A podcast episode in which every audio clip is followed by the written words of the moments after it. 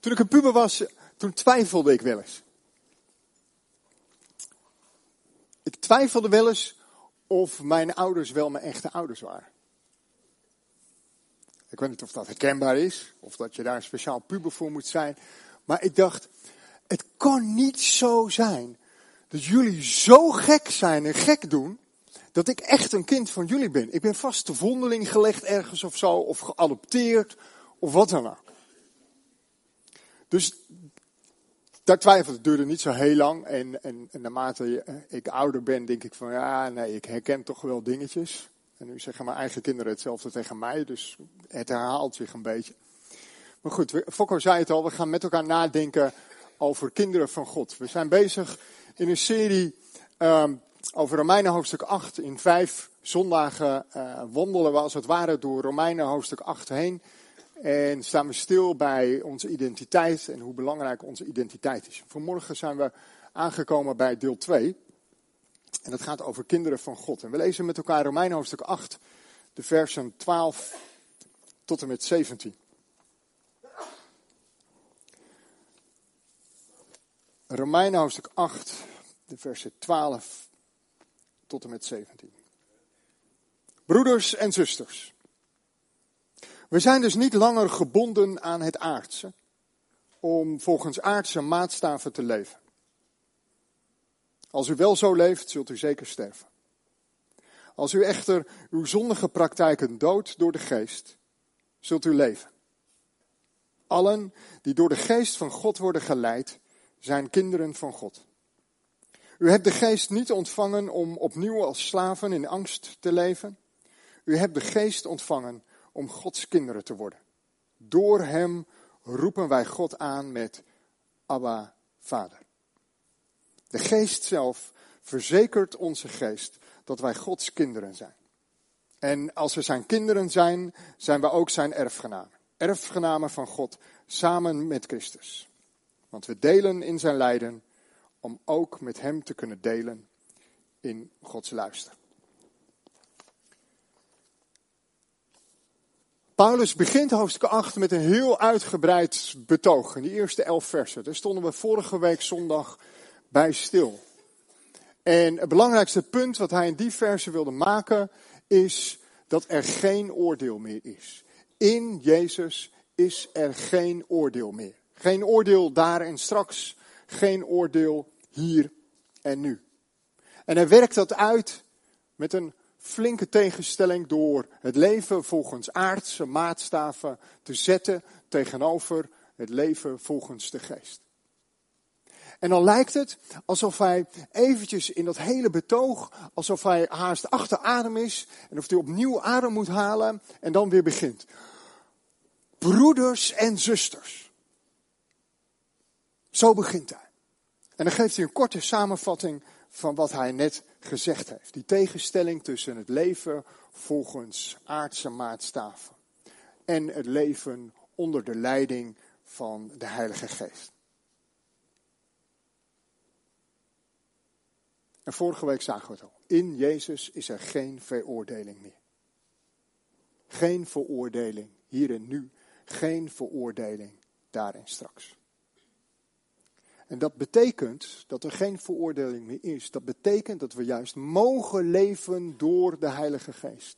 Dat we de ruimte mogen geven aan de Geest in ons leven om onder Zijn leiding te leven. En dat we niet meer hoeven te leven naar de richtlijnen van ons vlees, zoals dat in de oude vertaling staat. De Geest vervult een sleutelrol in onze relatie met God. In de vertaling van de message gaat het over ons oude doe het zelf leven. Ik vind dat wel een mooie. Ons oude doe het zelf leven. Een leven waarin alles van onszelf afhangt. Een leven waarin we in eigen kracht de dingen moeten regelen. Een leven waarin we misschien wel gebukt gaan onder de goedkeuring van anderen. Een leven waarin we gebukt gaan onder het oordeel van anderen. Het oude doe-het-zelf leven. Dat oude doe-het-zelf leven met het bijbehorende oordeel is dood in Jezus. Dat oude doe-het-zelf leven heeft ons niets meer te bieden. En in de message-vertaling wordt dat dan gezet tegenover een leven waarbij de geest wenkt. De geest wenkt. De geest nodigt jou en mij uit om te leven onder zijn leiding. Om een leven te leven waar er ruimte is voor de werking van Gods geest. Waar er ruimte is zodat je gevormd wordt, zodat je gekneed wordt. Ruimte om heling te ontvangen.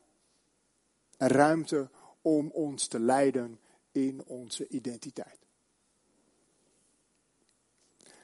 En om die impact van de identiteit van ons als geestmensen goed neer te zetten, komt Paulus met een indrukwekkend beeld.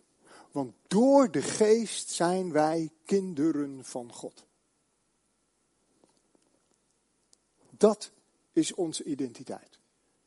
Kind van God.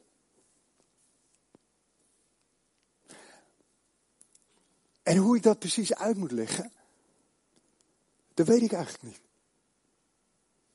Want heel snel ga je al denken aan je eigen ervaring. je ervaring als vader of als moeder. Of je eigen ervaring als kind van je ouders. Ervaringen die gekleurd zijn. Ervaringen die misschien wel getekend zijn. Negatief. Positief. Of ergens in het midden, enigszins neutraal. Maar als we dan juist vandaag met elkaar als gemeente en in het midden van de gemeente Gabriel opdragen. En je ziet zo'n klein mannetje. En je ziet dat nieuwe leven. Dan denk ik aan die enorme liefde die ouders hebben voor hun kinderen. Op het moment dat je je kind in je armen neemt. Als ik denk aan kind van God zijn, dan denk ik aan de enorme liefde die God voor jou heeft. Ik denk aan, aan het opgroeien van kinderen. Aan warmte, veiligheid, bescherming, begeleiding. Maar ik denk ook aan huilen. Misschien wel blijven huilen, huilen, huilen. Tot aan frustratie van ouders toe.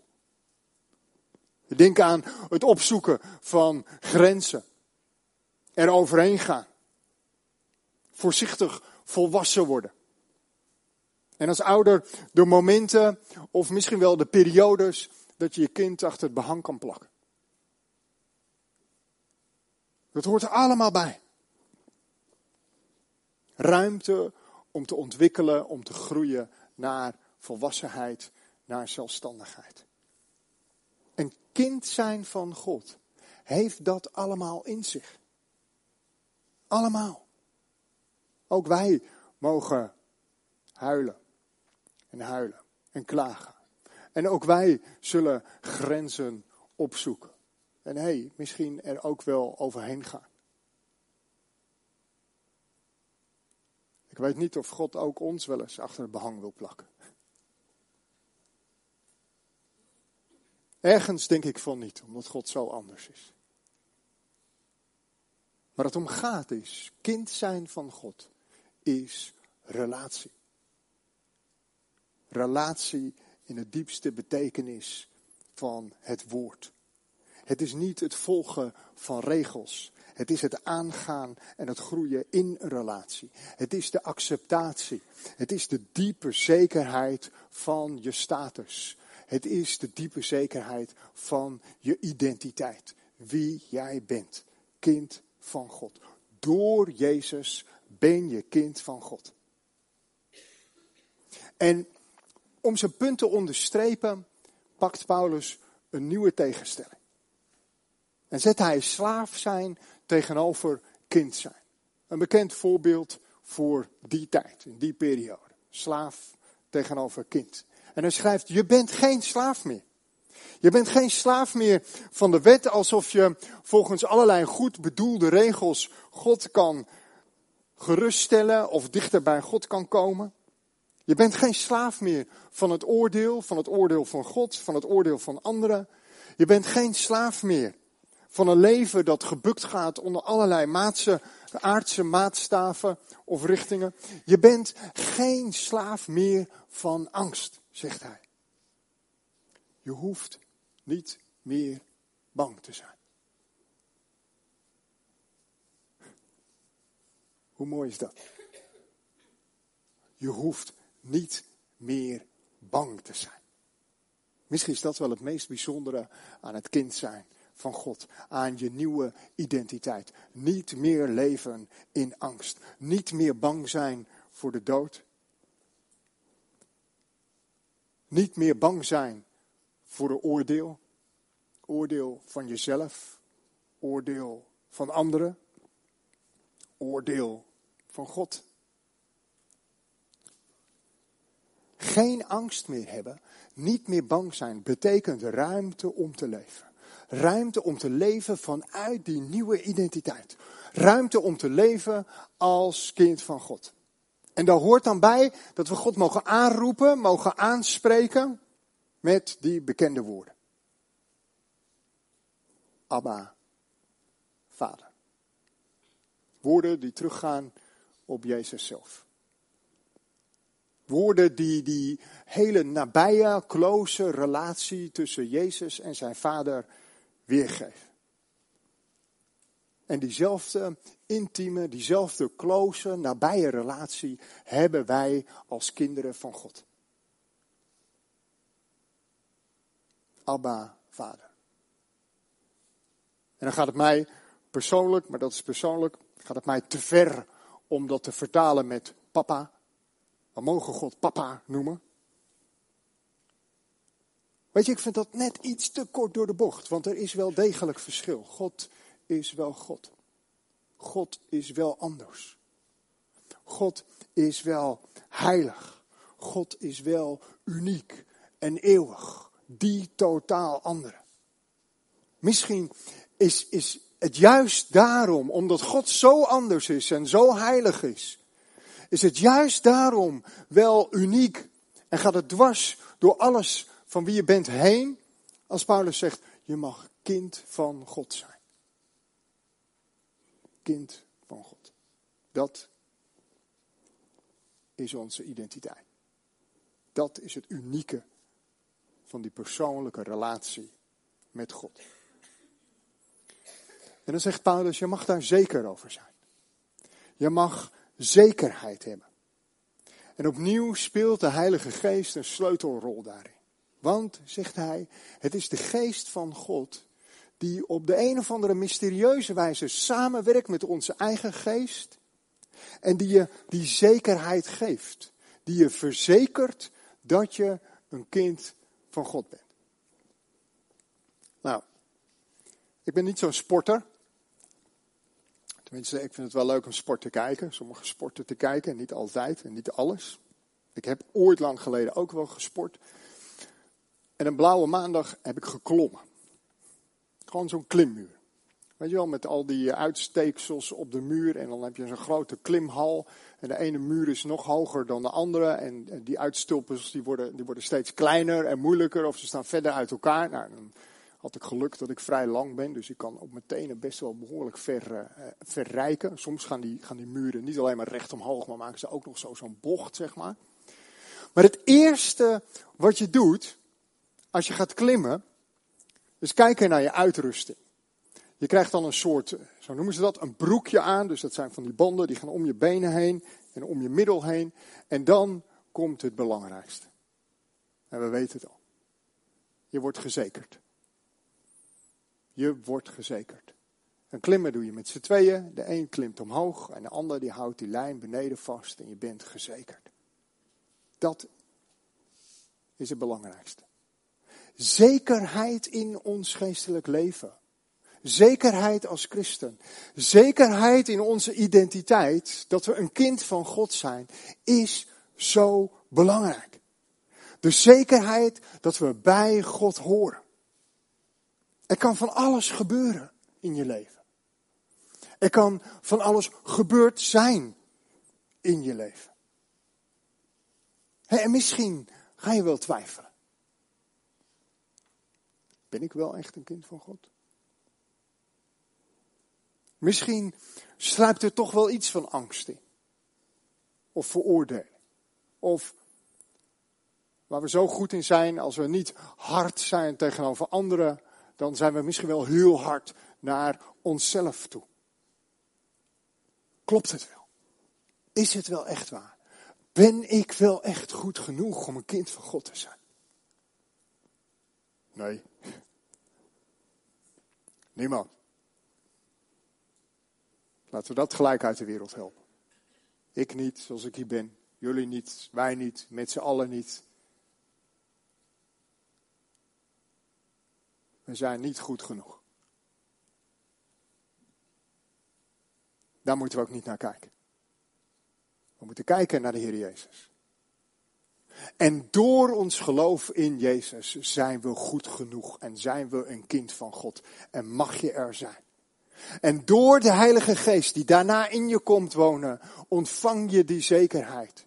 En verzekert Gods geest met jouw geest dat je een kind van God mag zijn. Vanuit die zekerheid mag je leven. Is twijfel dan erg? Nee.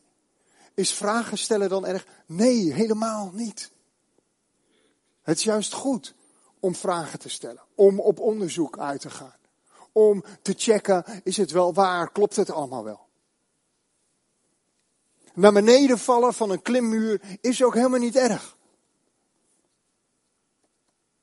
Als je tenminste goed gezekerd bent. En je schrikt even. En daarna zweef je als het ware in de lucht en kom je langzaamaan beneden. Tenminste, als je maatje het goed doet beneden.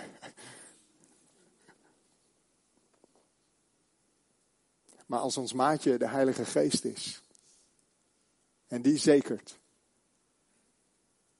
dan komt het zeker goed. Wat er ook gebeurt. Hoe de dingen in je leven zich ook ontwikkelen. Hoe de omstandigheden in je leven ook zijn of zullen zijn of geweest zijn. Je nieuwe status staat vast. Je nieuwe status als kind van God staat vast.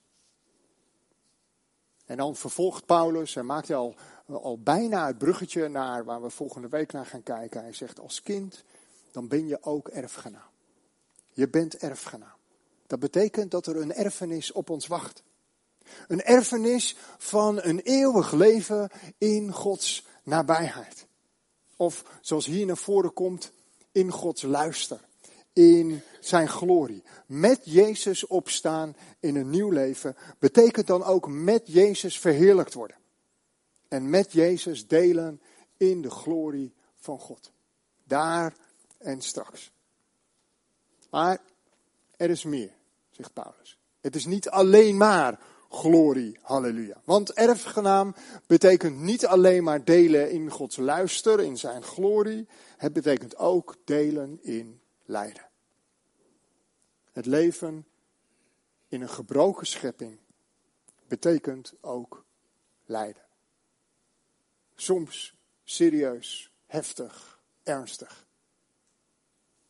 Soms iets minder ernstig. Maar aan deze kant van de eeuwigheid is lijden een gegeven.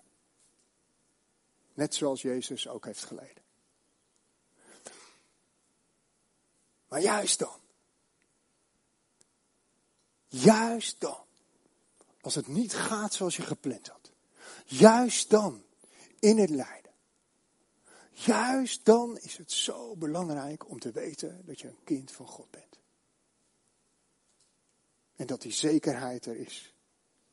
Juist in het midden van een gebroken schepping is het goed om het niet alleen te weten dat je een kind van God bent, maar ook om te ervaren dat je een kind van God bent.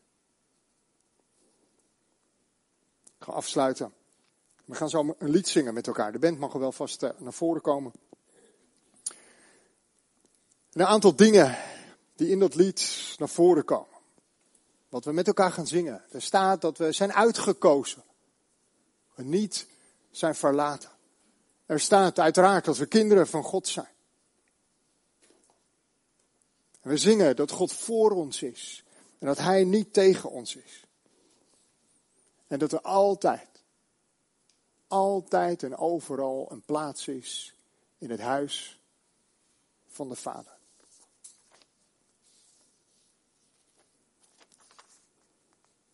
En misschien, weet je, misschien zit je hier vanmorgen wel en twijfel je zelf en denk je, ik ga ook nog bidden, dus het mag nog. um, en twijfel, misschien zit je hier vanmorgen wel en denk je wel van, joh, is er, is, ah, ik heb er zo'n zootje van gemaakt. Weet je, geldt het wel voor mij? Is er, is er wel plek? Is er wel plek in het huis van God? Ik wil dat je dat weet. Ik geloof dat God dat zegt, niet ik. Er is ruimte. Er is altijd ruimte bij God. Er is altijd plek in het huis van de Vader. En dan maakt het niet uit wat er gebeurd is of hoe zout je je van je leven gemaakt hebt. Je bent een kind van God en als kind van God mag je terugkomen bij God. Altijd en overal. Al zou je alles vergeten van deze morgen, neem dat mee. Je bent altijd welkom bij God. Laten we bidden met elkaar. Vader in de hemel, Heer, ik bid dat het niet zal blijven bij woorden op papier deze ochtend of vanuit uw Bijbel. Heer, maar zoals we hier zijn met elkaar. Bid dat de woorden vanaf het papier tot leven komen in ons hart. En dat we mogen zien, mogen weten, mogen ervaren wat het betekent om een kind van u te zijn. Heer, dank u wel voor die zekerheid. Dank u wel voor dat fundament. Dank u wel voor die nieuwe identiteit die we mogen ontvangen door uw Zoon, de Heer Jezus. En Vader, we, we kunnen u niet genoeg danken daarvoor. We bidden met elkaar en voor elkaar dat we samen aan uw hand mogen leren leven. Naar die nieuwe identiteit. Dat we mogen leren leven onder de leiding van uw Heilige Geest. Heer, zegen ons zo. In Jezus' naam. Amen.